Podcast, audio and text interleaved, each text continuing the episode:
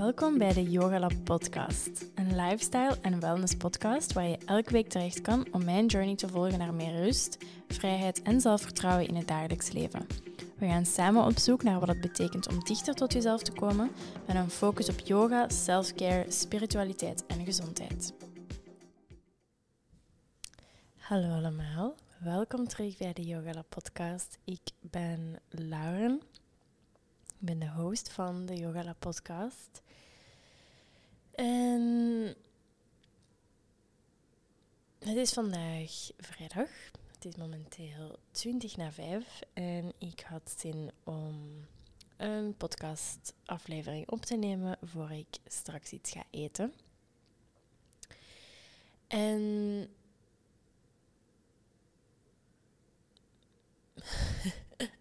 ik weet zo nooit goed hoe ik moet beginnen, gezien ik normaal in een gesprek is er een bepaalde flow.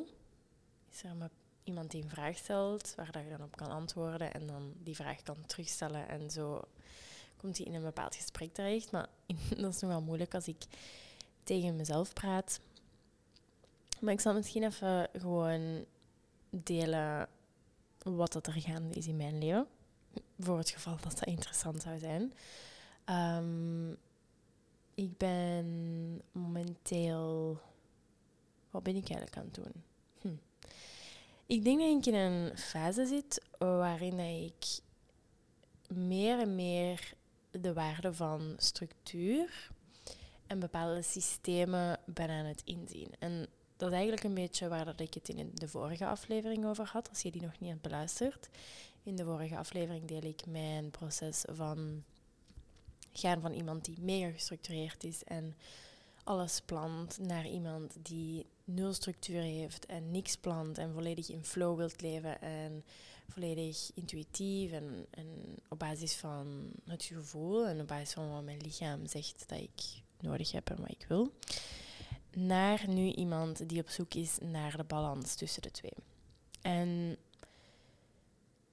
eigenlijk ben ik tot besef gekomen dat, de, dat een bepaalde of succes of succes is misschien zelfs een fout woord, want succes impliceert een soort van externe validatie of een externe um, metric waar dat we ons mee aan meten of het nu geld is of weet ik veel aantal volgers in deze tijd, um, of naamsbekendheid. Maakt niet uit wat het is. Dus misschien is het beter om te gebruiken om een bepaald gevoel van voldoening en um, balans te hebben in mijn leven.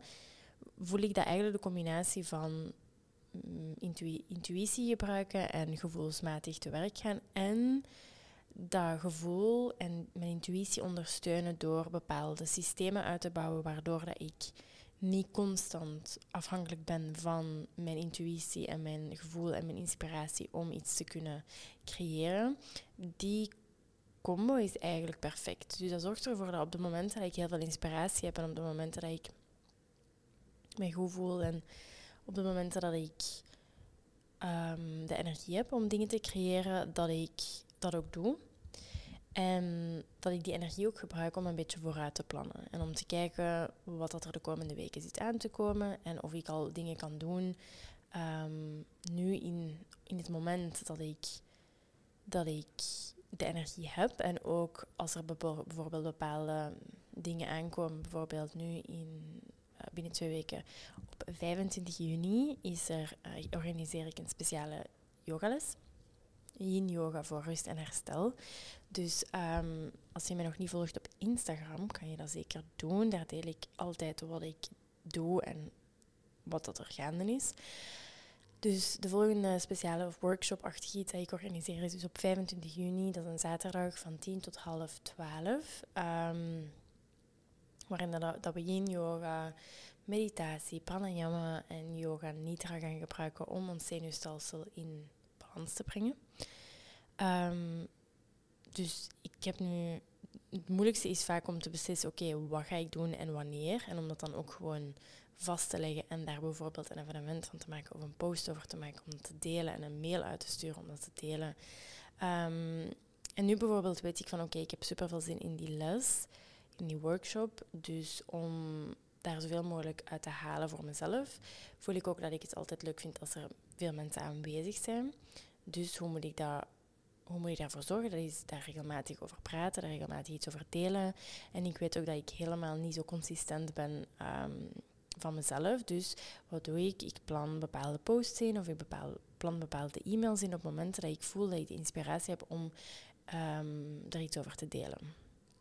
Dus dat is eigenlijk waar ik nu in, in ben, in een soort van moment dat ik besef van oké, eigenlijk is die structuur en die systemen die ik een tijdje geleden helemaal heb verworpen, zijn die eigenlijk toch waardevol. Dus dat is altijd... Eigenlijk merk ik van oké, ik heb een, bepaalde, een bepaald leerproces waarbij ik alles zelf moet uh, doormaken of alles zelf moet uitproberen. En ook alle verschillende um, uitersten van een spectrum moet kunnen aanvoelen. Dus hoe voelt het om aan het ene uiterste zijn en hoe voelt het om aan het andere uiterste zijn en hoe kan ik de balans tussen de twee vinden. Um, dus dat is wat ik nu op dit moment aan het soort van verwerken ben. En wat ik ook heel hard heb gemerkt, is dat ik zoveel productiever ben, tussen aanhalingstekens, um, of zoveel meer creativiteit en inspiratie heb als ik een bepaalde structuur creëer van waar en wanneer en met wie ik werk. Dus ik heb nu iemand, um, Benny, waar dat ik nu een paar keer per week mee in een koffiebar ga werken. Want zij is ook, ja, voor zich, allez, werkt ook voor zichzelf en zij is ook iets aan het uitwerken voor in de toekomst. En dat helpt heel hard om iemand te hebben die je accountable houdt. Van oké, we hebben dat uur afgesproken daar, dus je moet daar zijn, want we hebben dat afgesproken.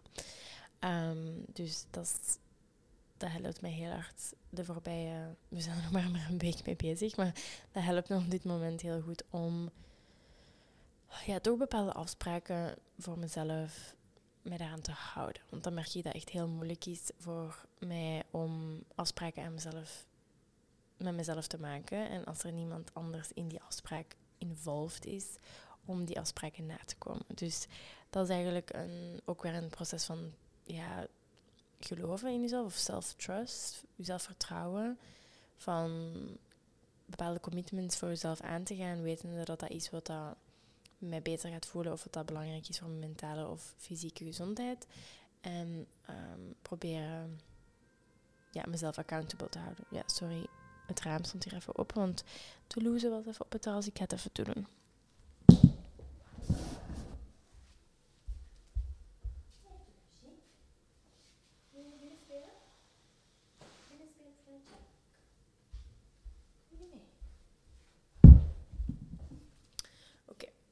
Um, hier ben ik weer. Dus, oké, dus dat is, dat is even een update. Um, en waar ik het vandaag eigenlijk over wou hebben, uh, waar ik het ook over had in mijn laatste nieuwsbrief, waar ik het ook over had op Instagram, denk ik vorige week, wel, uh, is het onderwerp waarom dat het zo moeilijk is voor ons om te rusten. Um, hoe eigenlijk van, oké, hoe kunnen we ons veilig voelen? Hoe kunnen we ons comfortabel voelen in die zelfzorg die zo, zo'n buzzword is um, het laatste jaar of de laatste twee jaar. Um, want we weten wel allemaal dat het belangrijk is om voor onszelf te zorgen. We weten dat het belangrijk is om te rusten. Het is belangrijk om onze stress te managen, voor onze gezondheid, um, voor nog zoveel andere redenen. Maar waarom is het dan zo moeilijk om dat ook te gaan doen en om dat eigenlijk een soort van nieuw normaal van te maken in onze samenleving. Want als we kijken naar onze samenleving, is het aantal personen dat stressvrij leeft heel, heel klein. Misschien is mijn beeld vertekend door, weet ik veel, de mensen waar ik mee omga of de wereld waarin ik mij bevind. Um, maar ik denk dat in het algemeen wel onze westerse samenleving op een heel, heel hoog tempo functioneert. Uh, ik denk dat kapitalisme, um, consumerisme, alles, al, al die dingen, onze huidige econom economisch systeem, daar ook wel een bepaalde rol in speelt. Ook de globalisering. Um, gewoon het idee van produceren en snel resultaten zien en snel dingen te bereiken. We zien dat nu ook bijvoorbeeld, ik zit op Instagram ook heel veel um, in zo die coaching en business uh, wereld. Um, of ja, ik zat daarin, ik ben, ben ook een beetje daarvan afgestapt of naar een andere, een andere kamer, zal ik zeggen, in, in die industrie gegaan. Um, waar dat ook gaat van oké, zo snel mogelijk naar 10, k months gaan of uh, self-made millionaire at 27. En dan denk ik zo, oei, maar ik ben bijna 27 deze maand, word ik 27. waarom ben ik nog geen miljonair? en dan begin ik zo echt ja, in paniek te gaan. Ga ik precies van, oh, waarom sta ik zo achter? En oh nee, nu ga ik, ik heb nog niets bereikt en ik, en, en ik sta nog maar hier en die persoon staat daar. En ik denk dat dat ook wel door de aard is waar, um, van ja, gewoon sociale media en het feit dat we zo... Uh, andere mensen hun leven zo bereikbaar is voor ons om te zien wat dat iedereen aan het doen is. En, en zo dat... Uh, zo, ja, het, traditionele succes in termen van hoeveel geld we verdienen en, en hoeveel volgers we hebben, dat is zo belangrijk geworden dat het echt moeilijk is om daar nee tegen te zeggen. En om u daar niet tegen te verzetten, maar om een andere, andere soort of een andere definitie van succes te creëren voor uzelf. En dit is een onderwerp waar ik het al heel vaak over heb gehad. En ik denk misschien zelfs aan een vorige aflevering over uh, heb gemaakt. Ik weet het niet meer exact, maar het is een onderwerp dat ik echt heel, heel belangrijk vind. Omdat ik voor mezelf de laatste tijd heel hard merk dat ik een bewuste keuze heb gemaakt, ik denk een jaar of twee geleden, om um, mijn eigen wereld te gaan creëren. En om mijn eigen um, visie op de wereld te gaan creëren. En om mij niet meer te laten afleiden door andere mensen hun Teloesje komt voor mij zitten. Op haar stoeltje. Teloesje, kom je mee een podcast maken? Ze is zo schattig. Ik wou dat jullie haar konden zien. Kleine baby. Kleine moesje. Ja. Ja, ze mooi. Beetje duttes nou. Het is veel te laat voor jou. Oké. Sorry. Um, ze is zo schattig. Ik kan echt niet meer concentreren. Ja, moes. Ja. Je bent zo flink. Oké, sorry. Altijd als ik begin te praten, denkt ze dat ik tegen haar praat en kijkt ze weer naar mij. Oh. Ik heb niet tegen jou, Snaat. Je mag gewoon dutten. Oké, sorry, sorry, sorry. sorry. Um, dus, waar waren we? Oké. Ik heb heel bewust besloten om niet meer deel, te maken, deel uit te maken van die bepaalde hustle culture of dat tempo waarop dat we allemaal verwacht worden te leven en te produceren en dingen te bereiken. Um, maar dat is, het moment dat ik die beslissing heb gemaakt, is, denk ik, was denk ik tijdens de lockdown, dus ja, ongeveer meer dan twee jaar geleden. Um, en op dat moment was dat ook makkelijk, want we zagen niemand. Um, het was heel makkelijk om in je eigen wereld, in je eigen bubbel te leven. Um, en ik keek toen ook niet. Ik probeerde zo weinig mogelijk dingen te kijken of te horen of te lezen waar dat ik niet akkoord mee was op dat moment. Dus zo bijvoorbeeld, misschien heb je er al van gehoord, maar zo het, het concept van zo de echo chamber. Dat is zo het idee dat um, mensen eigenlijk, mensen hun ideeën telkens maar versterkt gaan worden, omdat ze online, vooral, uh, dat is eigenlijk een concept van uh, in de communicatiewereld, um, dat ze online eigenlijk altijd maar bloot, meer en meer blootgesteld worden aan mensen die hetzelfde denken als zij. Dus eigenlijk constant eigenlijk krijgen mensen altijd bevestiging van hun ideeën door het algoritme, door gewoon de manier waarop dat we in uh, interactie gaan met elkaar online. Um, maar ik denk dat er een negatief aspect aan is, zeker als het gaat over het politieke, van oké, hoe kunnen we mensen die op een bepaalde manier denken, die niet echt heel bevorderlijk is voor de vrede en gelijkheid in onze wereld, hoe kunnen we die mensen blootstellen aan een andere manier van denken? Um, dat is denk ik een heel grote uitdaging. En anderzijds denk ik dat dat ook een voordeel kan zijn als we daar ons bewust van zijn en als we dat gaan gebruiken om onze eigen wereld te creëren, zolang dat die geen negatieve impact heeft op andere mensen in onze samenleving. Dus ik bijvoorbeeld gebruik mijn Instagram en, en mijn YouTube bijvoorbeeld en mijn podcast waar ik naar luister om een bepaald idee te creëren van de wereld dat heel positief is en heel ehm, eigenlijk zegt van alles is mogelijk, uh, ook vooral iedereen is gelijk. Um, ja, door gewoon mensen op Instagram te volgen die dezelfde boodschappen verkondigen als ik. Bijvoorbeeld het idee dat rust belangrijk is, die ook een heel, heel bewuste beslissing hebben genomen om te vertragen, om, ons, om zich af te zetten tegen bepaalde verwachtingen van de samenleving, om constant te blijven produceren en constant te blijven werken. Uh, allemaal mensen die eigenlijk een beetje anders denken dan de status quo. Um, dus ik denk op die manier kan het wel echt een, een, een soort van voordeel zijn. Of kan dat echt wel ons helpen om. Sorry, ik zit niet zo. Kan ons wel echt helpen om, een, een, een om ons te ondersteunen en om ons uh, niet alleen te voelen in dit proces. Want dat is wat er bij mij vaak gebeurt, is dat er in mijn echte wereld, in mijn fysieke realiteit, heel weinig mensen zijn die bezig zijn met dezelfde dingen als ik en die misschien op dezelfde manier denken. Dat is ook heel logisch, want het zijn ja, eigenlijk iedereen, wat dat heel normaal is, van mijn omgeving zit in een bepaalde. Um, um, ja, zit in een traditionele of een normale 9-to-5 job waarin dat, ja, bepaalde dingen worden verwacht en die eigenlijk het bepaalde systeem waar ik me tegen wil afzetten wordt um, ja, onderhouden zal ik zo zeggen. Um, dus ik ben ook heel blij dat ik bijvoorbeeld uh, Penny heb leren kennen en dat wij nu samen kunnen werken in een koffiebar. En dat ik iemand heb die eigenlijk in hetzelfde proces zit als ik, die ook probeert iets te creëren voor zichzelf en vooral ook probeert iets te ondernemen en um, op, zijn, op haar eigen manier. Dus dat helpt wel echt om iemand te helpen in de realiteit waar dat ik mee, mee kan relaten en waar dat ik gesprekken mee kan hebben um, over dingen zoals dit. Of over wat ik kan doen met de yoga studio, of mijn plannen, al mijn strategie, al die dingen.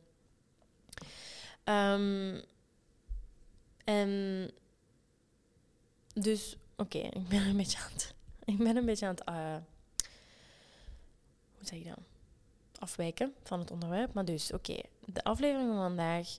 Waarom is het zo moeilijk voor ons allemaal om te rusten? En ik, voor mijzelf is het ook nog altijd niet even makkelijk. Dus het is niet omdat ik voor mezelf heb besloten van oké, ik wil een trager leven leiden of ik wil een inten, intentioneler leven leiden of meer um, stilstaan bij de kleine dingen en kunnen genieten van bijvoorbeeld de bloemen die op mijn weg naar, weet ik veel, mijn werk ergens staan en die een bepaalde kleur hebben. Of genieten van bepaalde geur. Ja, ik vind het soms moeilijk om in woorden te brengen. Maar zo om echt te kunnen genieten van de kleine dingen. Gewoon zoals we vaak ook wel horen, denk ik. Um, vrij cliché. Maar het is wel waar. Het is waar dat wij allemaal zo gewend zijn geworden om constant geëntertained te worden. Om constant gestimuleerd te worden, dat wanneer we niet gestimuleerd worden, dat dat echt heel, heel raar aanvoelt. En vandaag wil ik in deze aflevering uitleggen waarom dat, zo is. Dus hoe dat, dat, ja, hoe dat, dat letterlijk fysiek in ons lichaam um, dat bepaalde patroon in stand gehouden wordt, uh, waardoor het moeilijk is om daar tegen in te gaan. En hoe dat we daar eigenlijk toch iets aan kunnen doen. En hoe dat we toch onszelf kunnen um, een nieuw patroon aanleren. Dus wat. Eigenlijk hoe dat proces een beetje in elkaar zit. Uh, misschien dat je er zelf al wat meer over weet. Ik volg bijvoorbeeld ook um, de Holistic Psychologist. Super, super goed uh, account op Instagram. Ik heb haar boek nog niet gelezen, maar ik wil het echt eens. Um, ik, ik, ga het echt kopen, denk ik, voor in de zomer misschien.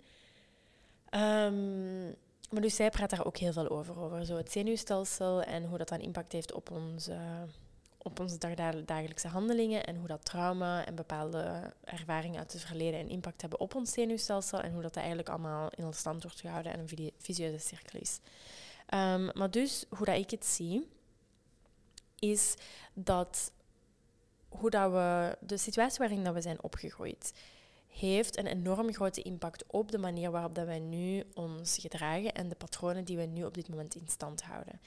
Um, vaak wordt er zo gesproken over trauma. En trauma klinkt heel dramatisch en heel zwaar. En er zijn heel veel mensen die heel zware dingen hebben meegemaakt in het verleden. En vooral ook in hun uh, jeugd, toen ze jong waren. Waar dat ze niks aan konden doen. En dan ook altijd een heel grote impact heeft op de manier waarop dat ze zich van dag vandaag de dag voelen. Maar daarnaast is er ook, eigenlijk in, in het Engels hoort je vaak zo big T trauma en little T trauma. En big T trauma is dan zo de zwaarde dingen die we sowieso automatisch linken aan trauma. En dan little T trauma zijn eigenlijk zo de bepaalde patronen of bepaalde um, noden die bijvoorbeeld niet werden uh, vervuld als kind of uh, bepaalde verwachtingen die er waren als, als kind. Of als we heel heel klein zijn, als we uh, baby zijn, dan leren we ons eigenlijk um, aanpassen aan wat dat onze ouder en vooral onze mama wilt en nodig heeft, zodat we eigenlijk een soort van overlevingsstrategie. Want als we jong zijn, willen we. Het enige wat we op dat moment willen als we baby zijn, is overleven. En um, als we geen aandacht krijgen van onze ouders of als we een bepaalde um, ja, als we geen aandacht krijgen door, van onze ouders, dan leren we dat, dat, we iets fout hebben gedaan. Dus dan gaan we eigenlijk ons gedrag aanpassen aan eender wat dat het is dat onze ouders willen. Um, zodat we blijvend aandacht krijgen en zodat we eigenlijk blijven leven. Dus dat is eigenlijk heel, zo'n heel primitief um, patroon uh, in ons als baby. En heel onbewust kunnen onze ouders onze bepaalde patronen meegeven, doorgeven, zonder dat dat een slechte bedoeling was, zonder dat onze ouders ooit de bedoeling hadden om uh, ons die angst um, te geven of om ons bepaalde um, negatieve copingmechanismes, of ik zal het woord negatieve weghalen, maar bepaalde copingmechanismes over te geven.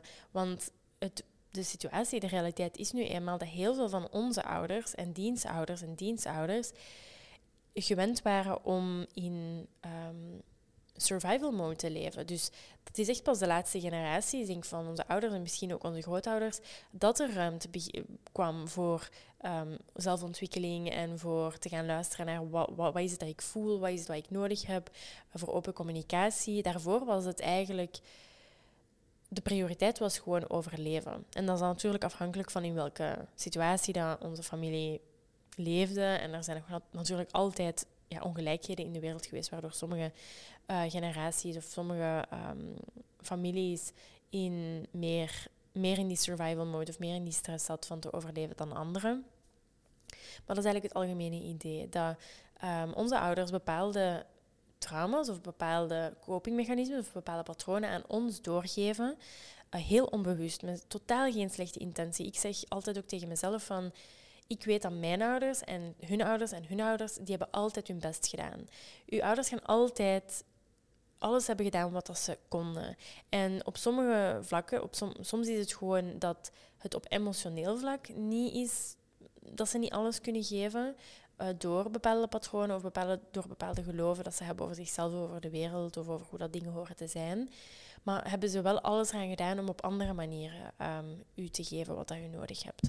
Dus in het begin, toen ik in therapie zat en probeerde alles te verwerken van oké, waarom ben ik zoals ik ben, waarom denk ik zo, waarom voel ik me soms zo slecht over bepaalde manieren waarop ik me gedraag. En dan is het makkelijk om gewoon de schuld te gaan steken op je ouders en zeggen van oké, maar dat is gewoon omdat zij dat zo hebben gedaan en de schuld eigenlijk gewoon gaan... Um, geven aan hen, zodat het makkelijker is om precies zo te verwerken. Maar ondertussen heb ik ook geleerd dat er hier in deze situatie niemand schuldig is. Iedereen, zoals ik al zei, doet altijd zijn best. Dat is mijn geloof en ik weet dat andere mensen daar anders over denken. Maar de wereld is altijd wel net iets mooier als je gelooft dat iedereen altijd zijn best doet. Um, dus bepaalde patronen worden, worden gecreëerd van als we jong zijn. Bijvoorbeeld een patroon dat ik uh, in mezelf herken, en wat dat denk ik ook een heel grote rol speelt in mijn hoogsensitiviteit vandaag de dag, is dat ik um, eigenlijk mijn um, noden en mijn gevoelens volledig uitschakelde om mij 100% te kunnen focussen op wat mijn mama dacht en voelde. Zodat ik constant kon aanvoelen hoe dat zij zich voelde, um, hoe, zodat ik kon inspelen op hoe dat zij zich voelde en dat ik mij kon aanpassen en zodat ik mij kon voorbereiden. Um, dat klinkt heel dramatisch, maar eerder gewoon van oké, als mijn mama droevig is, wat moet ik dan doen om haar blij te maken zodat zij mij graag ziet, bijvoorbeeld. Of als mijn mama blij is, of, of wat is hetgeen dat mijn mama blij maakt, oké, misschien moet ik dat meer doen. Ehm, dus dat is een bepaald patroon dat dan zich heeft verder gezet in mijn volwassen leven. Constant aanvoelen hoe dat andere mensen zich voelen, wat ik kan doen om andere mensen blij te maken, hoe dat ik iedereen gelukkig kan maken in een bepaalde situatie, vooral ook als ik in groep was of feestjes organiseerde of zo constant bezig zijn met andere mensen en mezelf compleet wegcijferen. Dat is een bepaald patroon dat ik nog altijd uh, probeer te verwerken. Um, maar dat zorgt er natuurlijk voor dat ik niet echt in staat ben op dat moment om naar mezelf te luisteren. Dus dat is een soort van dissociatie dat er op dat moment plaatsvindt. Um, ik was dan eigenlijk niet meer in mijn lichaam, omdat ik zo gefocust was op andere mensen hun um, hun emotionele staat. Wat dat een enorm talent bij mij heeft um, gecreëerd, dat ik heel goed kan aanvoelen hoe dat mensen zich voelen en wat dat mensen nodig hebben om zich goed te voelen. Um, dus dat heeft mij enorm empathisch gemaakt en heel, heel ja, hooggevoelig gewoon. Um, heel intuïtief. Dus ik zie dat als een heel grote sterkte, als een soort van superpower. Maar natuurlijk wil ik niet meer dat dat ten koste gaat van mijn eigen, eigen mijn capaciteit om mijn, mijn eigen emotionele staat aan te voelen en daarop in te spelen. Dus dat is even een, bijvoorbeeld een idee van zo'n patroon. En het ding is dat als we in een bepaalde situatie zijn opgegroeid waarin dat we eigenlijk, waar het vrij misschien chaotisch was en uh, misschien niet heel veel structuur of veel verandering, of soms dat het heel onvoorspelbaar was hoe dat onze ouders uh, zich gingen voelen of gedragen, um, dat we eigenlijk in een, in een situatie waar dat we, of in een in een gezin zijn opgegroeid waarin dat, um, er constant prikkels waren of stimulatie was of constant, ja, um, niet stress zou ik het noemen, maar ja, bijvoorbeeld, ik ben nu, iemand, nu eenmaal iemand die heel, ik ben gewoon heel gevoelig voor alles van soort van stimulans, van prikkels. Dus ik kom snel in een staat van stress. Mijn lichaam is snel in een staat van overwhelm. Dus ik, maar ik woon met allemaal mensen, of met een groot, het groot deel van, van de mensen bij mij thuis zijn niet zo. Dus dat is logisch dat als ik in de minderheid ben, dat er een bepaald, uh, bepaald om, bepaalde omgeving, een bepaald milieu wordt gecreëerd, waarin dat er misschien veel uh, stimulans was altijd. En stimulans kan gewoon zijn van de tv die luid opstaat, de lichten die altijd aan zijn, um, niet weten wanneer mensen thuis gaan komen. Um, heel veel mensen altijd over de vloer.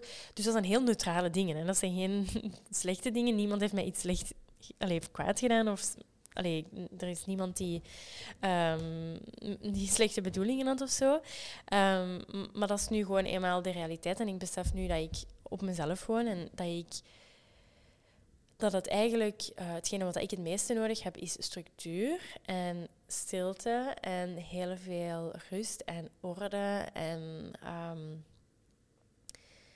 ja, oké, okay, ben ik aan het afdalen. Maar dus als we in zo'n bepaalde situatie zijn opgegroeid, gaat, is dat waar ons lichaam zich aan gaat aanpassen. Dus ons lichaam gaat eraan wennen, want het enige wat ons lichaam uh, doet, of hetgene wat ons lichaam doet voor ons van ochtends tot avonds, 24 uh, op 24, 7 op 7, is ons in leven houden. Dus als we in een bepaalde omgeving leven waarin dat we eigenlijk um, ons ons lichaam eigenlijk in een soort van constante stress of een chronische stress terechtkomt, dan is het beter van voor ons lichaam, voor onze gezondheid, voor onze overlevingskansen, om dat de nieuwe status quo te maken. Zodat we eigenlijk ons niet meer bewust worden van het feit dat we in die stress zitten en dat, eigenlijk gewoon, dat we daar in die staat leren functioneren. Dus wat gebeurt er dan als we ouder worden? Is oké, we, zijn gewoon om in een bepaalde situatie te, te goed te kunnen functioneren. Misschien zelfs beter dan in een andere situatie. We worden, um, is ook zo'n term van high functioning anxiety, high functioning, high functioning de depression. Um, dus dat we echt leren om in, in bepaalde situaties die eigenlijk niet ideaal zijn voor ons als individu, om daar echt supergoed in te thriven en te overleven wat we gaan doen als we dan ouder worden, is die bepaalde patronen recreëren. Dus um, misschien dat we dan onze, een bepaalde job gaan kiezen, die eigenlijk heel stresserend is en die constant ons in een staat van stress en adrenaline zet, waardoor dat we eigenlijk supergoed presteren en dat we altijd denken van, wow, oké, okay, what a rush, ik ben hier zo goed in en, en, en constant in die stress blijven voortzetten. Misschien dat we dan daarnaast ook thuis nog eens onszelf overbeladen met hobby's en taken en activiteiten en sociale plannen en um, dus eigenlijk wat we doen is onszelf in die status quo houden, want dat is wat ons lichaam uiteindelijk als, en ons zenuwstelsel vooral als veilig gaat aanzien. Ons lichaam gaat die bepaalde, een bepaald niveau van stress als veilig uh, beginnen aanvoelen, want anders dan is het gewoon te vermoeiend voor ons lichaam om constant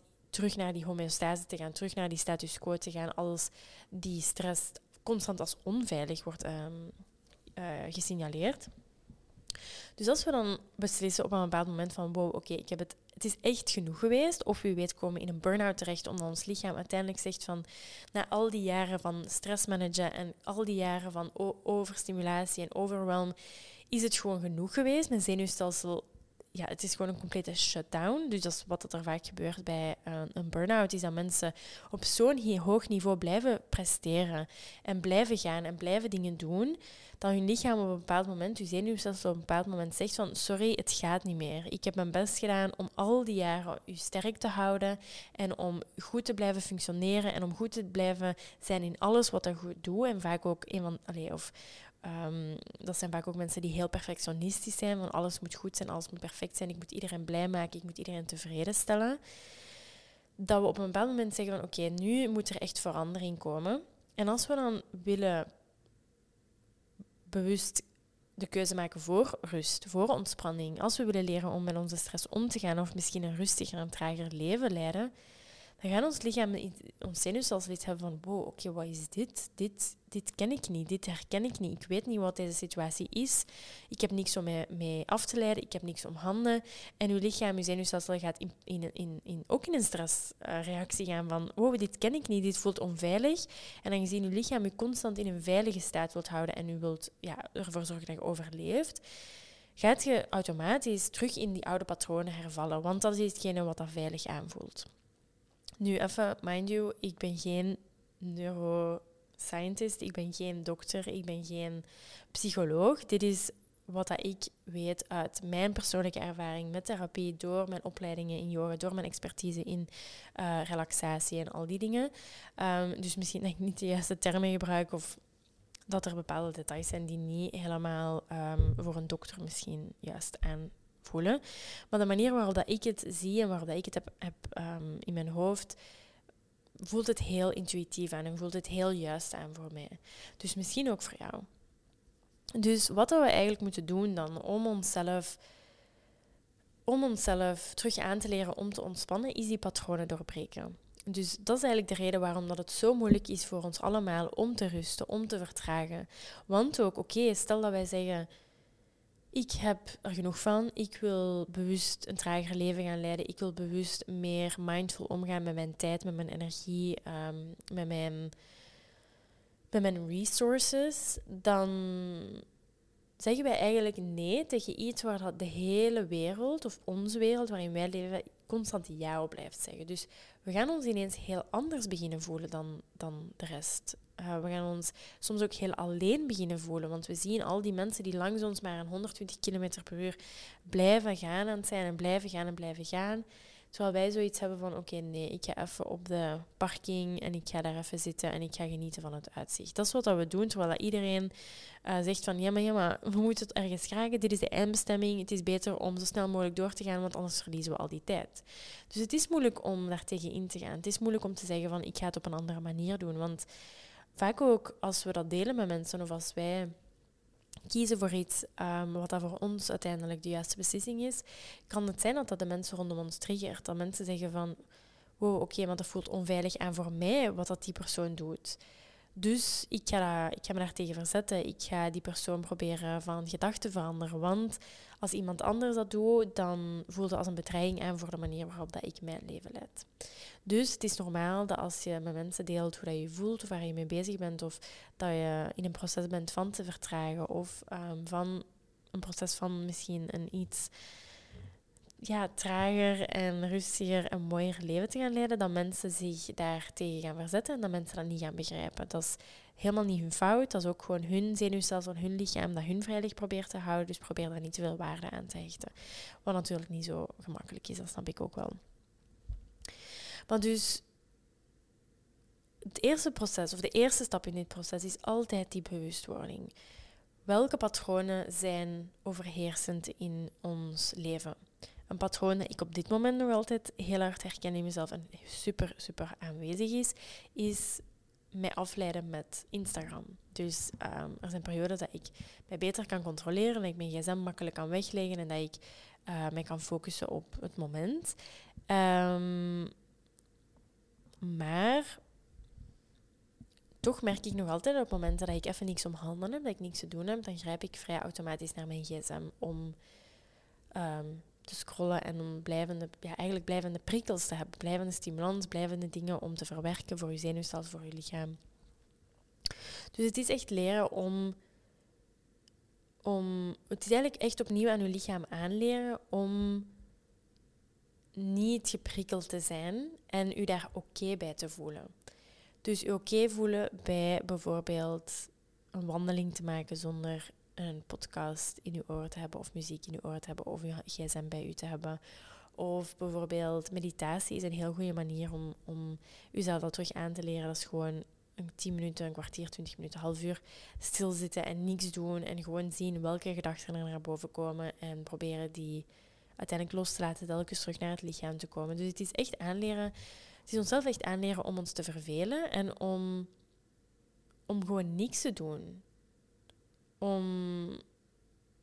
Ja, dat is echt heel moeilijk, want het is nu eenmaal super gemakkelijk geworden in onze samenleving, in de dag van vandaag, om constant geprikkeld te worden, om constant gestimuleerd te zijn, om constant iets om handen te hebben. Want als we ons even willen afleiden van ons werk, wat doen we? We grijpen naar onze gsm. Als we s'avonds gedaan hebben met werken, wat doen we? We grijpen naar onze gsm. S'avonds zitten we in de zetel, we zijn tv aan het kijken, het is niet genoeg stimulans, dus wat doen we? We grijpen ook nog eens naar onze gsm.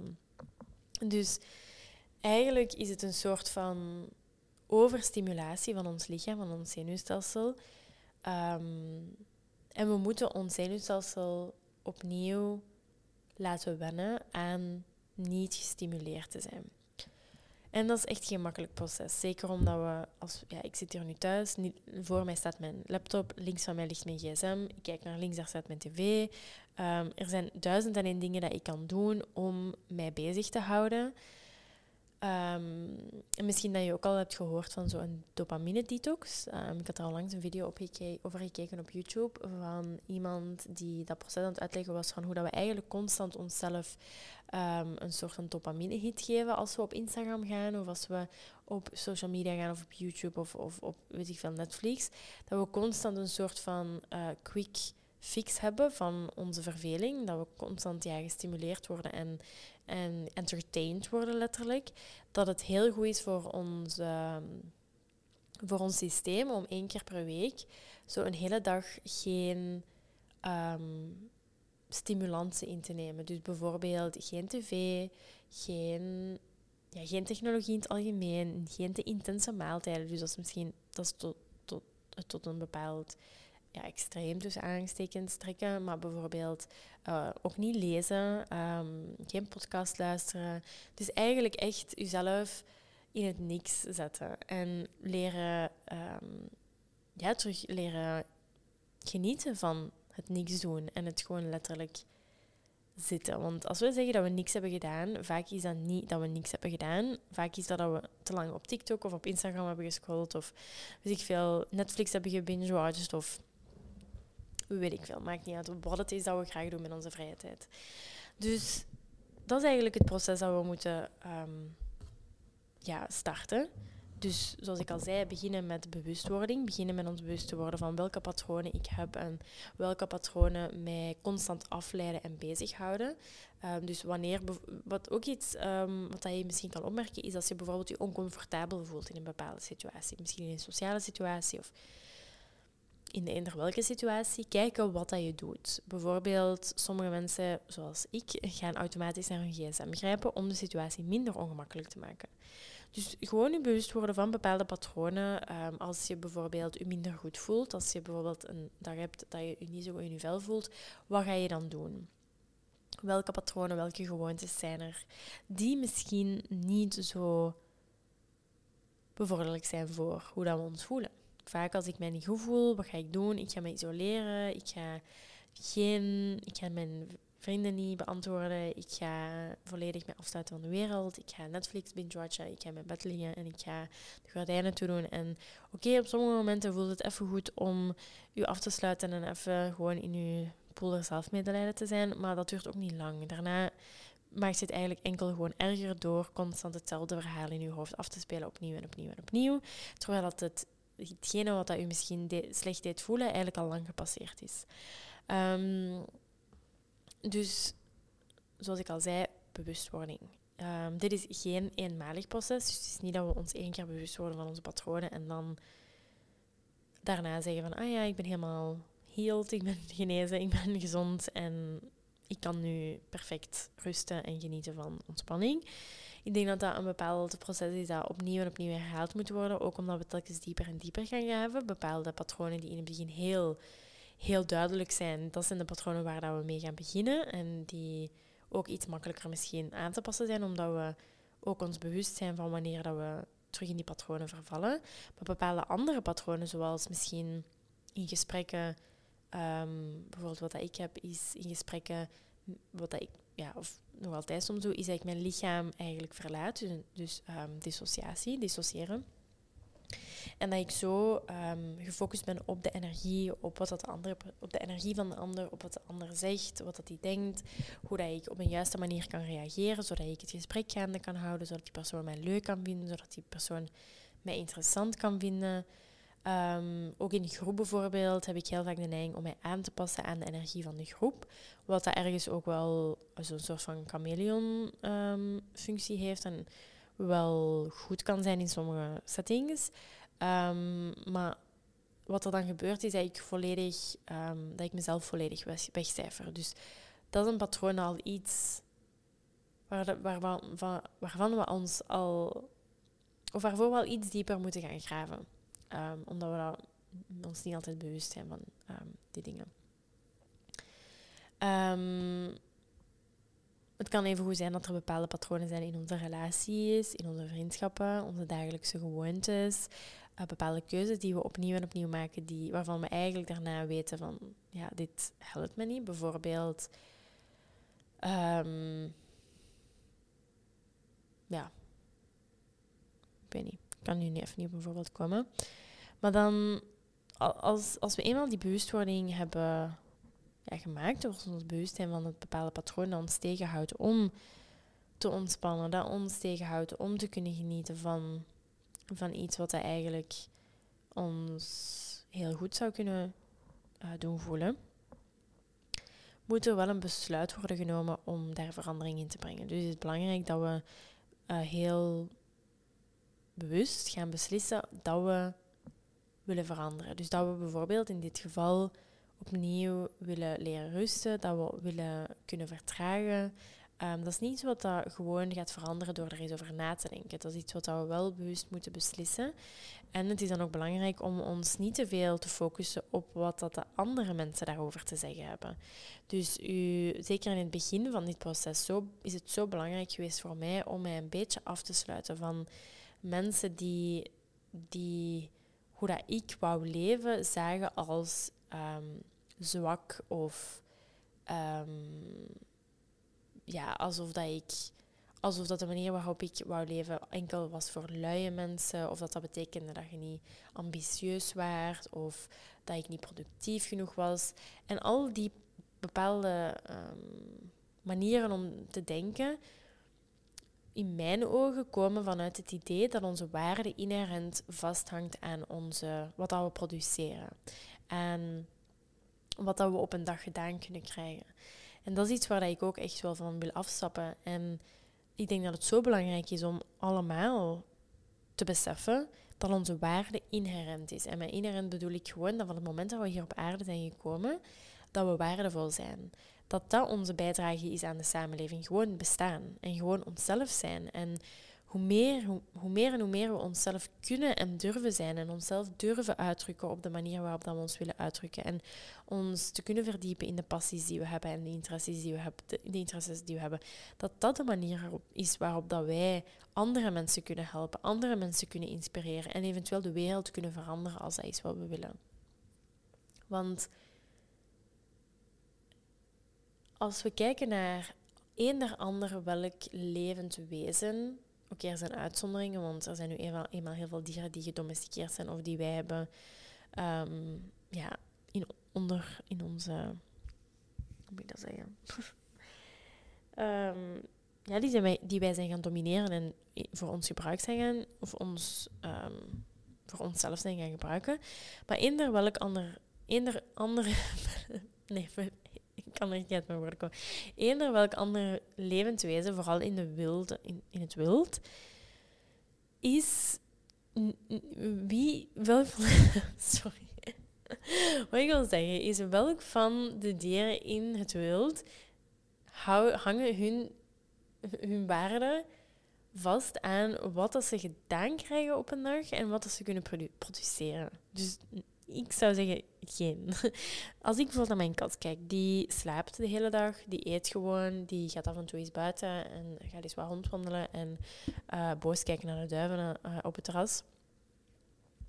En er is geen enkel dier waar dat ik meer van hou dan van mijn kat. En die doet letterlijk, letterlijk niets voor mij. Oké, die geeft mij liefde door gewoon zichzelf te zijn en door gewoon aanwezig te zijn en door af en toe eens bij mij te komen en knuffels te geven. Maar zelfs als die, want mijn kat is een beetje afstandelijk en uh, soms een beetje grumpy.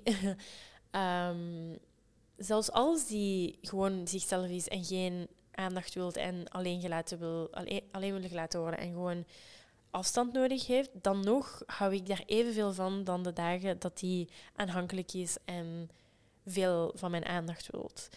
Dus dat toont voor mij al aan hoe dat eigenlijk inherent wij allemaal als individu, als mensen, als wezens, als levende entiteiten op deze planeet inherent liefde verdienen, inherent waardevol zijn en inherent een belangrijke rol spelen op deze aarde. Want het is toch niet omdat een, een kat geen werk produceert, of een hond geen werk produceert, dat die niet even waardevol zijn als ons. Oké, er is een bepaald idee in onze samenleving dat mensen superieur zijn aan dieren, maar daar geloof ik nu eenmaal niet in. ik denk dat soms, nee, ik denk eigenlijk dat bijna in alle gevallen dieren en planten en alle andere vormen van levende wezens soms Allee, als, ik zal het zo zeggen. De aarde, we zeggen altijd van oké, climate change, de, wereld gaat vergaan. Um, nee, de wereld gaat verder bestaan. Het zijn de mensen die gaan uitsterven. Dus wij zijn hier um, niet superieur, maar wat is het andere woord? Dus de, de planeet, de, de natuur, de dieren, de planten, de bomen, de bloemen, die zijn super superieur, superieur aan ons. Want die weten hoe dat ze zichzelf in stand moeten houden en hoe dat ze moeten overleven. Wij duidelijk niet. Dus ik weet al niet meer waarom ik hierop ben gekomen. Aha, oké. Omdat, omdat um, ja, nu eenmaal het dominante narratief in onze samenleving is dat onze waarde inherent um, afhankelijk is van wat we produceren, wat we bereiken, hoe succesvol we zijn. En daar geloof ik gewoon niet meer in. En van het moment dat we dat geloof loslaten, valt er zoveel of zo'n grote last van onze schouders. Want ik moet niet meer het beste zijn in alles wat ik doe. Ik moet niet meer allemaal dingen bereiken. Ik moet niet meer al succesvol zijn voordat ik sterf. Want ik besef dat de waarde niet ligt in hoe succesvol ik ben, maar wel in hoe hard ik kan genieten van elk moment van elke dag. En hoeveel tijd ik kan doorbrengen met de mensen die ik belangrijk vind. En oké, er zijn nog altijd heel veel momenten waarin ik verloren raak in, in, in het idee van oké, ik moet dingen gedaan krijgen, ik moet, ik moet um, verder geraken met, mijn, met de yoga studio. Ik moet succesvol zijn, ik moet meer geld kunnen verdienen. En dat is allemaal wel een belangrijk onderdeel van ons bestaan, want we moeten niet eenmaal geld verdienen om te overleven en om een leven te leiden dat we leuk vinden en dat we graag leiden. Maar ik denk dat de balans gewoon een beetje fout zit. Dat is wat ik gewoon wil meegeven. Um, dus in het begin gaan alle beslissingen die eigenlijk ons ondersteunen in dit proces naar meer rust, naar meer balans, naar meer geluk, als heel onveilig en heel ongemakkelijk aanvoelen. Dus in het begin, als je zegt van ik wil beginnen mediteren of ik wil meer tijd maken om te gaan wandelen, ik wil meer tijd maken om te lezen, ik wil meer tijd maken om yoga te doen. Wat het ook is, in het begin gaat dat heel ongemakkelijk aanvoelen en gaan we eigenlijk altijd willen kiezen voor hetgene wat dat we kennen. Dus kiezen voor in mijn geval Netflix binge-watchen of Instagram scrollen. Dus dat is gewoon een, iets wat we moeten weten. Dat in het begin gaat dat misschien niet, niet zo goed voelen als we denken. Want wat ik ook vaak hoor is van... Eigenlijk ben ik helemaal niet ontspannen, want het was super moeilijk voor mij om stil te zitten in een yogales. Of het was heel moeilijk voor mij om op mijn ademhaling te letten en dat lukte niet. En ik kon niet zo ademen of ik kon niet wat dat de rest kon. En dan voelde, was ik mij aan het opjagen, want ehm, ik dacht dat ik er slecht bezig was. En een heel narratief waar dat eigenlijk wat totaal niet de kern van de zaak is in een yogales. En dat is, ik, het is niet dat ik, daarvoor, dat ik daar dat ik dat veroordeel of zo. Dat is heel normaal. En ik judge dat niet of ik zeg niet dat dat slecht is. Dat is gewoon iets wat ik vaak zie terugkomen. Mensen die zeggen van ik heb me helemaal niet kunnen ontspannen, want ik kon het niet. Want uh, ik kon niet stilzitten. Ik was de hele tijd afgeleid. Mijn gedachten waren alle kanten aan het opgaan. Dat is heel normaal. Ik, als ik mediteer, s ochtends, dan ben ik nu ook nog altijd aan honderd en dingen aan het denken en moet ik constant mezelf terugbrengen naar het moment, naar mijn lichaam. Maar het ding is dat na zoveel tijd, zoveel jaren van yoga doen en meditatie en ademhalingsoefeningen, voelt het gewoon niet meer onveilig om terug te komen naar mijn lichaam. Dus mijn nieuwe status quo is dat ik mij veilig voel in mijn lichaam, dat ik graag in mijn lichaam aanwezig ben, dat ik mij bewust ben van het moment, van mijn omgeving, van mijn emoties, van mijn fysieke sensaties, dat ik aanvoel wanneer ik iets wil doen en wanneer ik iets niet wil doen. Wanneer dat ik iets aanvoel wanneer een bepaald gesprek of een bepaalde situatie eigenlijk niet juist aanvoelt en dat ik leer om daarnaar te luisteren. Dus dat is eigenlijk het ding gewoon van oké, we moeten ons opnieuw veilig voelen in ons lichaam. En vooral, dat is ook iets wat dat, um, ik onlangs in een podcast hoorde, is iemand die aan het vertellen was dat, dat als vrouw en ik weet niet hoe, dat, hoe het is om man te zijn, dus misschien dat dat even goed waar is om, voor mannen. Maar dus als vrouw leren we van het moment eigenlijk dat we beginnen ontwikkelen, dat we in onze puberteit zijn, dat ons lichaam verandert, dat we er als een vrouw beginnen uitzien, dan beginnen we ineens ongewenste aandacht te krijgen. En wat leren we dan? Dat die, ja, die, we willen die aandacht niet. Dus we beginnen te leren dat ons lichaam ons eigenlijk verraadt. Dat ons lichaam ons in bepaalde situaties brengt waar dat we helemaal niet in willen zijn. Dus we leren ons lichaam is onveilig. Dus wat doen we? We beginnen te dissociëren. We beginnen ons ehm, niet meer of beginnen niet meer aanwezig te zijn in ons lichaam. We beginnen in ons hoofd te leren. We beginnen ons af te leiden met andere dingen. En daardoor gaan we ook niet meer in contact staan met ons lichaam, met onze emoties. We gaan niet meer aanvoelen wanneer ons lichaam iets wel wilt en wanneer die iets niet wilt. We gaan in bepaalde stress responses chronisch blijven. Ehm, dus het is echt super belangrijk om, om te kunnen rusten, om te kunnen vertragen, om terug in het moment aanwezig te kunnen zijn, moeten we, is het echt een vereiste, is het de eerste, eerste stap om ons opnieuw veilig te voelen in ons lichaam. Ons, ons lichaam het huidige moment moet opnieuw onze safe space worden. En dat is echt niet gemakkelijk. Voor sommigen is het moeilijker dan voor anderen, zeker als je bepaalde dingen hebt meegemaakt in het verleden. Uh, als er bepaalde trauma's zijn die zich hebben opgestapeld in ons lichaam, waar we ons soms niet eens van bewust zijn. Is het zo belangrijk om je te laten ondersteunen door een therapeut, door een psycholoog, um, om te kunnen verwerken waarom dat we ons niet meer veilig voelen in ons lichaam. En om opnieuw terug te kunnen komen naar een gevoel van veiligheid. Dus dat is ook iets waar ik twee afleveringen geleden uh, over had, mijn ervaring met therapie. Dat het zo belangrijk is om ons te laten ondersteunen in dat proces van waarom kan ik niet, weet ik niet hoe ik mij voel. Waarom als, iemand, als ik yoga doe en, en ze zeggen, oké, scan je lichaam, hoe voelt je in je lichaam, wat is er aanwezig? Dat ik eigenlijk niet weet wat er aanwezig is, dat ik niet kan voelen wat er aanwezig is. Dat is heel normaal. Dat is gewoon dissociatie, we zijn niet meer aanwezig in ons lichaam, omdat we geleerd hebben dat dat, de veiligste manier is, of de beste manier is om te overleven in deze uh, patriarchale samenleving, in de samenleving waarin dat wij als vrouwen ons vaak heel onveilig uh, voelen. Dus hoe kunnen we dus ons veilig beginnen voelen in ons lichaam? Zoals ik al zei, therapie. Super, super belangrijk. Uh, zeker als er bepaalde patronen zijn waar dat we ons gewoon. of die gewoon te beangstigend zijn om op onszelf aan te pakken. Waar dat we echt wel ondersteuning voor nodig hebben. Want soms komen er dingen naar, naar boven door één keer dat we terug naar onze emoties gaan beginnen luisteren en één keer we terug aanwezig beginnen uh, zijn in ons lichaam, gaan er bepaalde dingen naar boven komen die, die we vergeten waren of die we eigenlijk jarenlang onderdrukten en niet wouden voelen. Dus als het nodig is, als je voelt van het is te veel om alleen aan te, aan te kunnen, het voelt gewoon te overweldigend aan, zoek hulp. Zoek iemand die je kan ondersteunen in dat proces.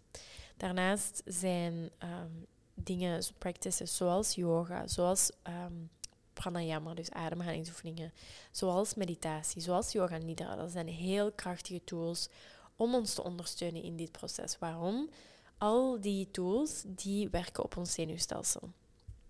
Bijvoorbeeld, een, een heel praktisch voorbeeld, pranayama-oefeningen of ademhalingsoefeningen. Uh, bijvoorbeeld als we zeggen, oké, we moeten dieper ademen, trager ademen, onze ademhaling naar onze buik sturen.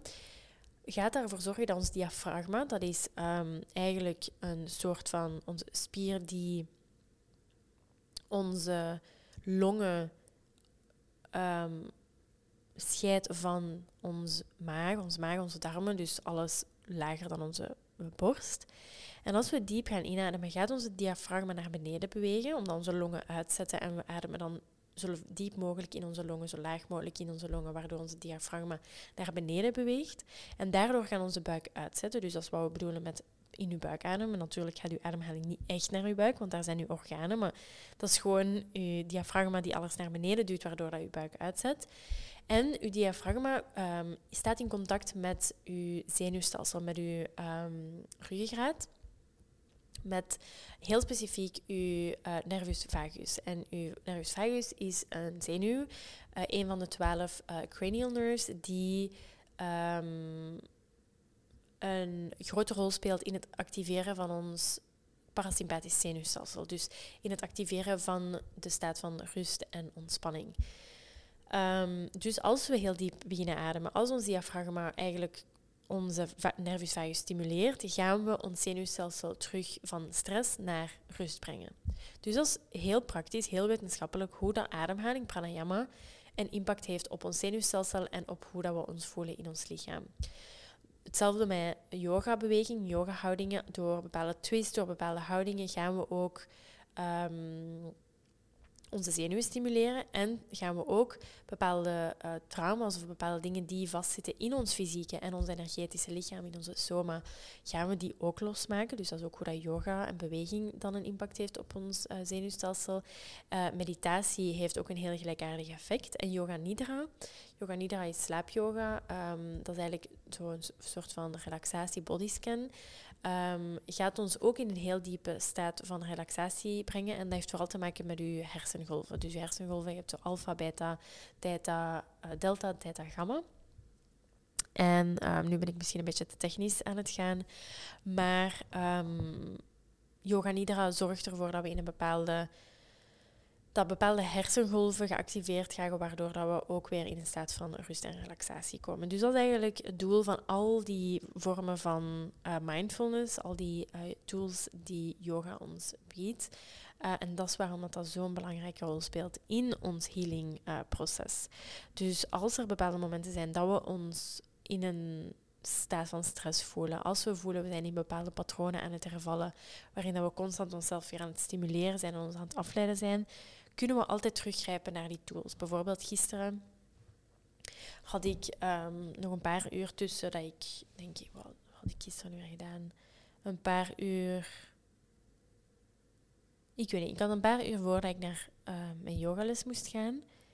En ik had meteen weer Netflix opgezet en ik was weer tv aan het kijken. En ik dacht, oké, heb, ik zit hier nu constant afleveringen van 20 minuten te kijken. In die 20 minuten kan ik even goed even een meditatie doen. Dus ik heb mijn tv uitgezet, ik heb, ik heb gemediteerd. En ik voelde meteen een soort van rust over mij komen. Dus het is, zoals ik al zei, een proces dat we telkens opnieuw en opnieuw en opnieuw moeten herhalen. Um, proberen op momenten dat we ons ongemakkelijk voelen, in die stilte, in die rust, om herhalen tegen onszelf van het is oké, ik ben veilig, ik ben veilig, ik ben veilig. Want als we ons ongemakkelijk voelen op zo'n momenten, is het gewoon omdat ons lichaam die staat van rust of relaxatie niet herkent en die identificeert als onveilig. Dus dat is een beetje hoe dat, dat uh, in, in zijn werk gaat. En hoe dat we um, onszelf terug kunnen aanleren om van rust, om, om echt te kunnen genieten van rust en van stilte en van relaxatie. Um, dus zoals ik al zei, belangrijke tools, therapie, meditatie, yoga, pranayama, yoga nidra. Um, ik zou ook zeggen wandelingen maken zonder afleiding. Uh, eten zonder afgeleid te zijn. Um, proberen bewust momenten in te plannen waarop dat je niks nuttigs doet. En um, probeert ook die ontspanning niet per se te combineren met iets nuttigs te doen. Dus echt proberen tijd te maken van niks doen en, en, en rust. En als je als het, in het begin is dat natuurlijk heel moeilijk om gewoon niks te doen. Dus zou ik zeggen, um, ga naar de bib, leen een goed boek uit of plan een yogasessie in. Um, dus het is echt wel een heel proces om onszelf terug aan te leren dat rust, ontspanning, relaxatie veilig is. Dat het oké is, dat we geen tijd aan het verspillen zijn, dat onze waarde niet um, naar beneden gaat omdat we niks aan het produceren of aan het doen zijn. En ook vooral dat het niet onze rol is om andere mensen comfortabel te houden en om andere mensen tevreden te stellen. Want dat is wat er ook vaak gebeurt, is heel typisch, dat is uh, voor een andere aflevering. We hebben onze verschillende stress responses, dus bepaalde staten waar dat we in gaan als we in stress zijn. Je hebt fight, flight, freeze en fawn. Um, en fawning, dat is iets waar ik uh, onlangs mee verdiept heb. Fawning is eigenlijk zo dat we ons volledig, als we bijvoorbeeld in een stresssituatie zijn, dat we ons volledig overgeven aan een andere persoon. Dus we volledig meegaan in het verhaal van de andere persoon. Dat we geen nee durven zeggen, dat we altijd ja zeggen op wat de andere persoon zegt, dat we die persoon niet willen teleurstellen, dat we die persoon niet willen afwijzen. Um, en eigenlijk is dat gewoon people pleasing. Dus als je iemand bent die u identificeert als people pleaser, dan ben je waarschijnlijk iemand die consequent, consistent in een staat van, uh, als die in een staat van stress komt, dat die uh, gaat fannen of dat die uh, in een staat van fawning terechtkomt. Dus het is dan belangrijk om op zo'n momenten nieuwe copingmechanismes te creëren. Dus proberen op die momenten terug naar je lichaam te komen, terug te zeggen tegen jezelf van ik ben veilig, het is oké. Probeer altijd bij jezelf te blijven, jezelf niet weg te cijferen. En dat wordt makkelijker en makkelijker hoe meer we die practices doen, hoe meer dat we yoga, meditatie, pranayama gebruiken om ons opnieuw veilig te voelen in ons lichaam, om ons lichaam opnieuw te leren kennen. Um, want het is onmogelijk om echt aanwezig te zijn in het moment, in het hier en in het nu, om te genieten van het hier en het nu, als we ons niet veilig voelen in ons lichaam. Als in ons lichaam 100% aanwezig zijn ons triggert en ons in een staat van stress stuurt. Dus dat is eigenlijk een soort van prerequisite of een soort van voorwaarde voordat we eigenlijk kunnen beginnen aan het proces van um, vertragen en ontspannen is ons opnieuw geleidelijk aan veilig voelen in ons lichaam en ons lichaam niet meer als onze vijand beginnen aanzien. Want zeker als, als, als vrouw um, vertelt eigenlijk de hele wereld tegen ons dat ons lichaam de vijand is. En dat, we, dat ons lichaam ons constant bedriegt en tegen ons liegt. En dat het beter is om naar andere mensen te luisteren als het aankomt op wat dat we best eten, hoe dat we best bewegen, hoe dat we, wat dat we dragen, hoe dat we eruit zien, wat dat we zeggen, wat dat we doen. Dus het is nu eenmaal geen, um, geen dominant narratief dat vrouwen of eender wie in de samenleving, want hetzelfde geldt exact voor mannen of eender wie ander. Um, er is geen ruimte voor mensen om zichzelf te zijn, om zich uit te drukken zoals ze willen. Dus eigenlijk creëert onze samenleving een situatie waarin iedereen zich constant onveilig voelt om zichzelf te zijn. Omdat we nu eenmaal een soort van situatie hebben gecreëerd waarin dat we elkaar in, in check houden. Waarin dat we elkaar constant um, erop wijzen als de ander afwijkt van de norm. En mensen die afwijken van de norm worden gezien als een bedreiging voor de norm. Dus iedereen die leeft volgens de norm gaat mensen die afwijken van de norm proberen te categoriseren als gek, als raar, als weet ik veel wat, allemaal termen ehm, die we dan ook gaan internaliseren. Want bijvoorbeeld de manier waarop ik mijn leven wil leiden, de, de, manier waarop ik naar de wereld kijk, de dingen die ik geloof, die zijn gewoon heel anders dan wat dat ik gewend ben. Dus ik heb ook ergens moeten leren om die ideeën en de manier waarop ik denk niet met iedereen te delen. Oké, ik heb hier mijn podcast en ik ben heel open over hoe dat ik denk en mijn processen en zo. Maar de mensen die naar mijn podcast luisteren, die staan vaak ook wel gewoon open voor de manier waarop ik denk. Anders dan gaat je je tijd er niet um, in steken of in investeren, denk ik toch. Ehm, dus dat is ook echt gewoon een, heel, een hele verandering, een hele movement die moet plaatsvinden. En ik denk dat we daar ook wel ergens in zitten, dat mensen meer en meer vrij zijn om zichzelf te zijn, om eender welke identiteit aan te nemen. Maar we zijn nog wel echt, denk ik, in de, in de beginning stages. Er zijn nog veel te veel dingen die gezien worden als raar of anders. En van het moment dat er ook maar iemand iets doet wat dat ongezien is of anders is, wordt die persoon op een of andere manier afgeschreven als anders. Of het is niet omdat die persoon dat kan doen dat jij dat ook kunt doen. Of dat is uniek. Of dat is, dat um, die persoon heeft geluk gehad. Of wat het ook is dat we onszelf laten vertellen. Dus dit is misschien mijn boodschap ergens. Of mijn, wat ik wil meegeven is dat we echt dat het zo nodig is om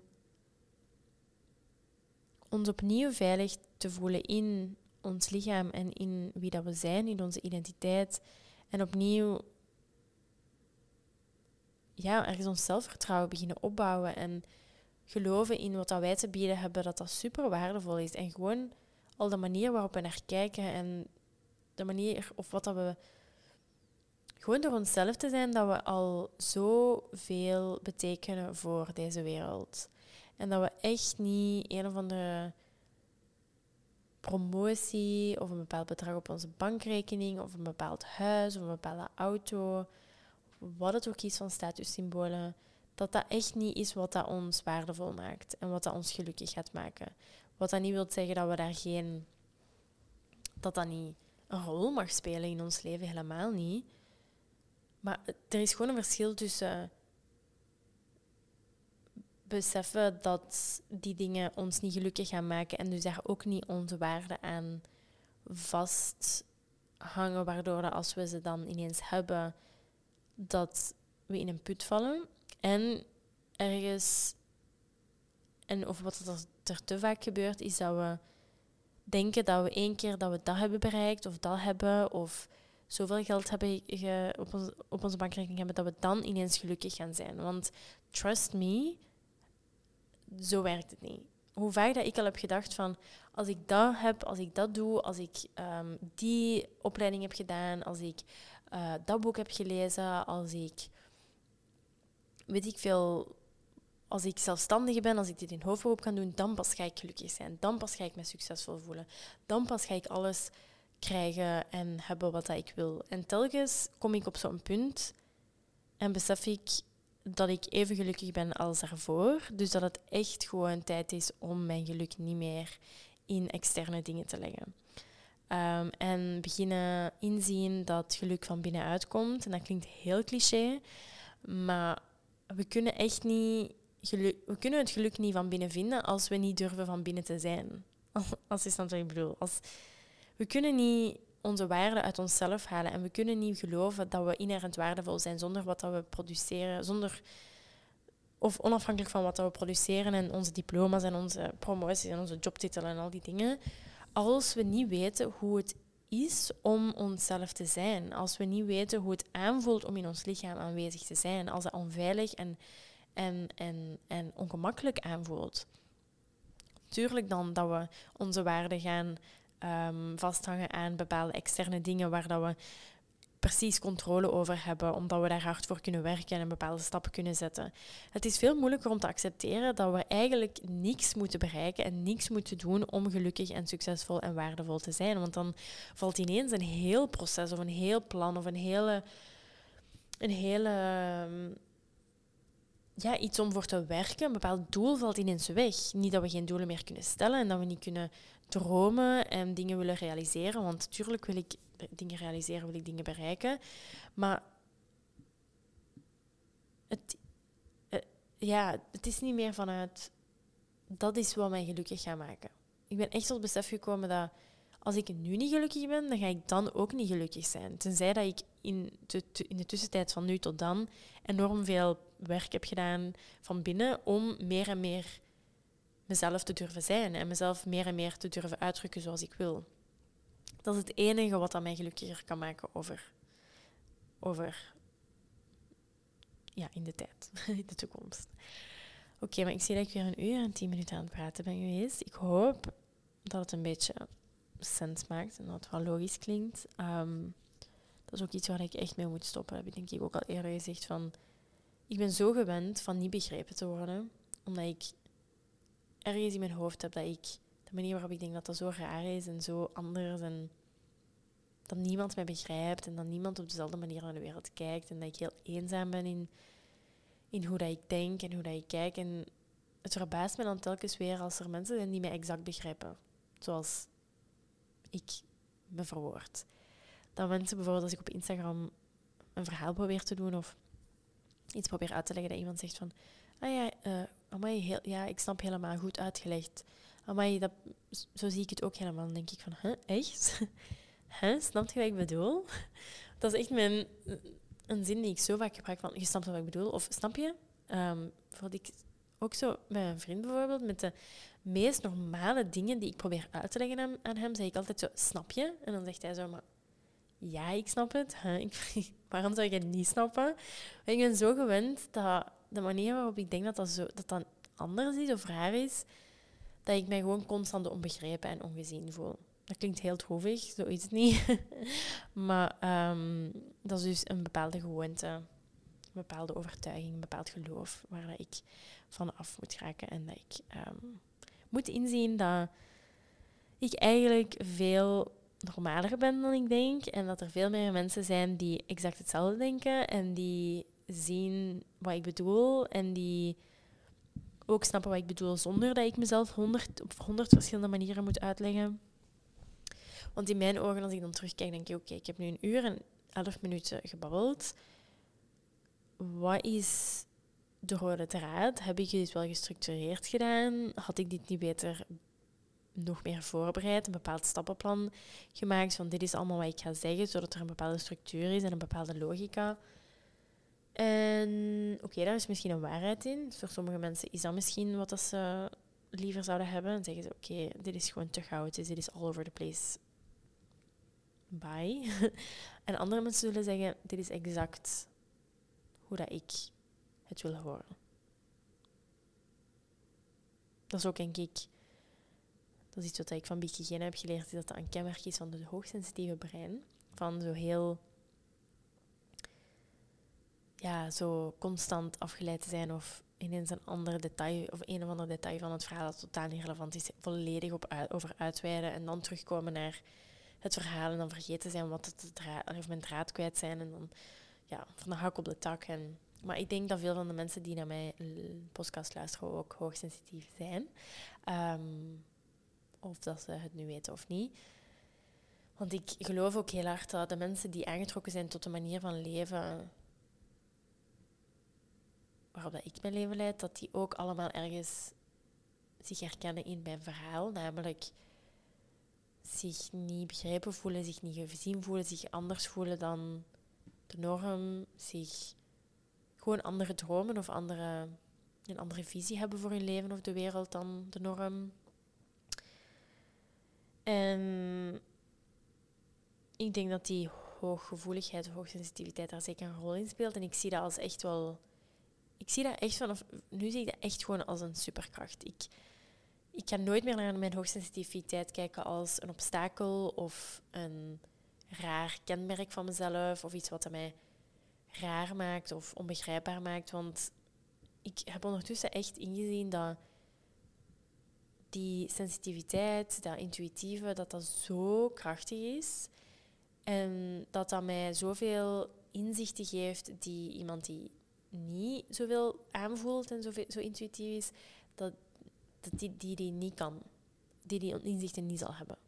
Of ik kan zoveel meer genieten van kleinere dingen en ik kan mij zo verdiepen in bepaalde werelden en zoveel vragen stellen over waarom dat de dingen zo zijn en mij daar zo mee bezighouden en ik geniet daar echt van. Ik, heb echt ik ben echt gestopt met mijn overdenken en mijn filosof filosoferen te zien als iets wat aan mij of iets wat, wat ik moet oplossen of iets wat ik moet veranderen. Want ik denk dat daar net mijn waarde ligt. De manier waarop ik denk. En het feit dat ik zoveel, dat ik zoveel nadenk over dingen. En dat ik tot bepaalde conclusies kom en dingen in vraag stel die, die in mijn ogen niet normaal zijn. Of die in mijn ogen anders kunnen.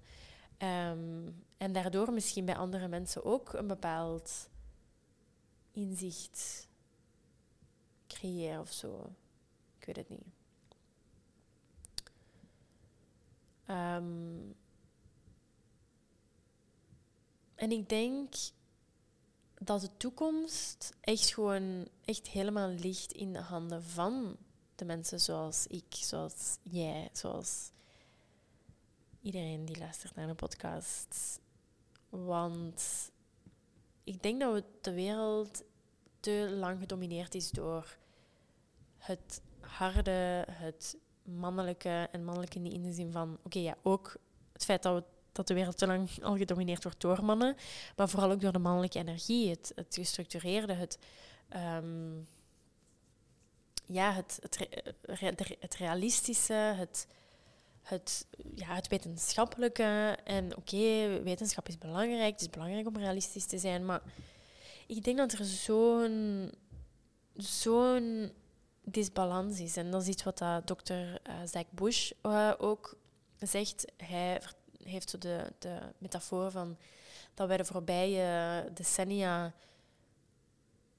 Of wacht, dat was een dat de samenleving, beeld je in dat de samenleving een vlinder is, of een vlieg is, of een bij is. Um, en die bij, of die vlieg of die vlinder, ik zeg liefst vlinder, want dan vind ik het, alhoewel een bij is ook allemaal, oké, okay, we zeggen bij. Um, dat hij bij de voorbije decennia met één vleugel aan het vliegen was, namelijk de mannelijke vleugel, de jangvleugel, waardoor dat we constant in cirkeltjes aan het vliegen zijn. Want doordat je één vleugel gebruikt, raakt je niet vooruit, maar raakt je enkel cirkel, cirkel, cirkel, cirkel, cirkel, telkens terug op dezelfde plek, de hele tijd in spiralen. Ja, je snapt wat ik bedoel. Zie, daar is weer die zin en ik moet ermee stoppen. Oké. Ehm, en we hebben nu eenmaal die andere vleugel nodig, de vrouwelijke vleugel, de yin-vleugel, om vooruit te geraken.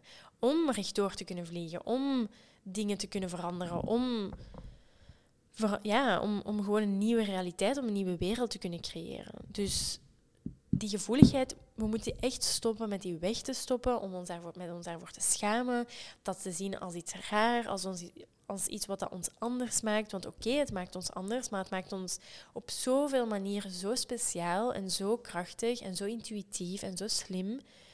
En wij gaan degene zijn die bepaalde structuren en narratieven en verhalen in vraag gaan stellen die eigenlijk al jarenlang onze planeet, aan het verwoesten zijn.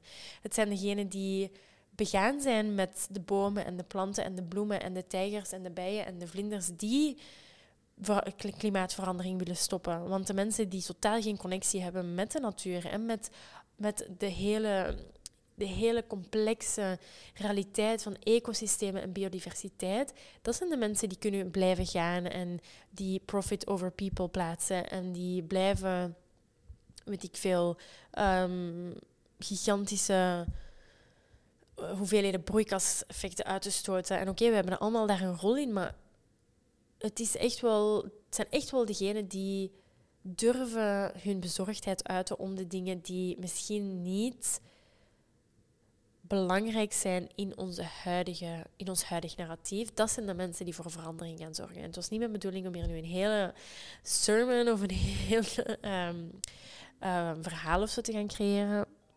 Oei. Maar um, dat is nu eenmaal hoe dat ik het zie.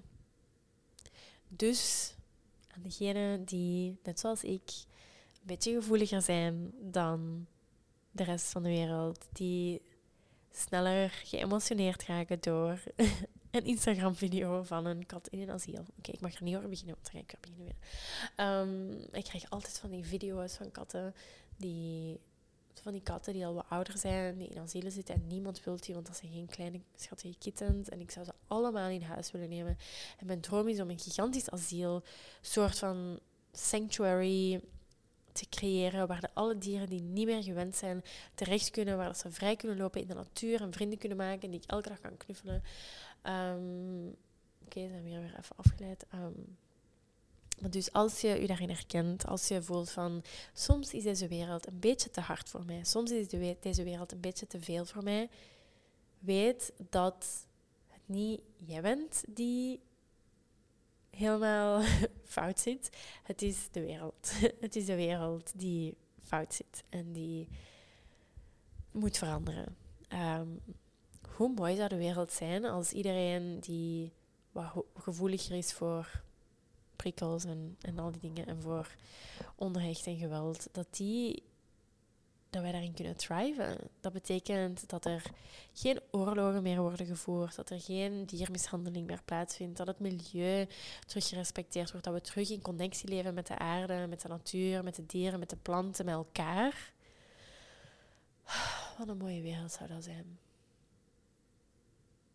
En het is belangrijk om daarin te blijven geloven. Dat het mogelijk is.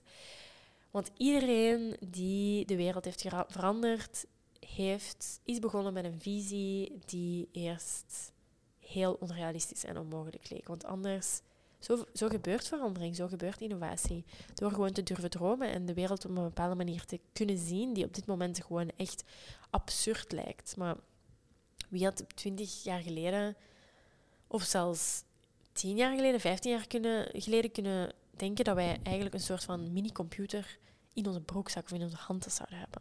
Dat we overal foto's van konden nemen, dat we constant konden, dat we elkaar konden zien via FaceTime, dat we iets zouden hebben als Instagram. Ehm, ja, iemand moest het idee hebben, iemand moest de visie hebben. Ehm, en hier zijn we allemaal verslaafd aan onze gsm's. Oké, maar ik ga het denk ik hierbij laten, want ik ga anders nog veel te lang blijven babbelen en ja. Oké. Okay. Dankjewel om te luisteren. Dankjewel om je tijd en energie te steken uh, in de podcast, in deze aflevering, in wat ik te zeggen heb. um, het doet me zo'n deugd om te horen van mensen dat ze naar mijn podcast hebben geluisterd. En als er iets is wat je graag wilt delen, als je bepaalde dingen hebt waar je het eens mee bent, oneens mee bent, bepaalde visies, bepaalde manieren waarop jij denkt dat de wereld kan verbeteren. Laat het mij weten. Stuur mij een berichtje via Instagram. Um, ja, ik ga ermee stoppen. Het is ondertussen al 20 voor 7. Ik moet vertrekken om iets te gaan eten. Ik denk dat het ook gaat regenen. Dus ik ga met de auto moeten gaan. Oké, dat is niet zo erg. Um, goed. Nu ga ik echt stoppen. Dat is ook een van mijn patronen. Ik kan heel moeilijk afscheid nemen van mensen. Dus ook van de onzichtbare persoon waar ik nu tegen praat. Goed, ik ga het afsluiten. Dankjewel om te luisteren. Heel graag tot in een volgende aflevering.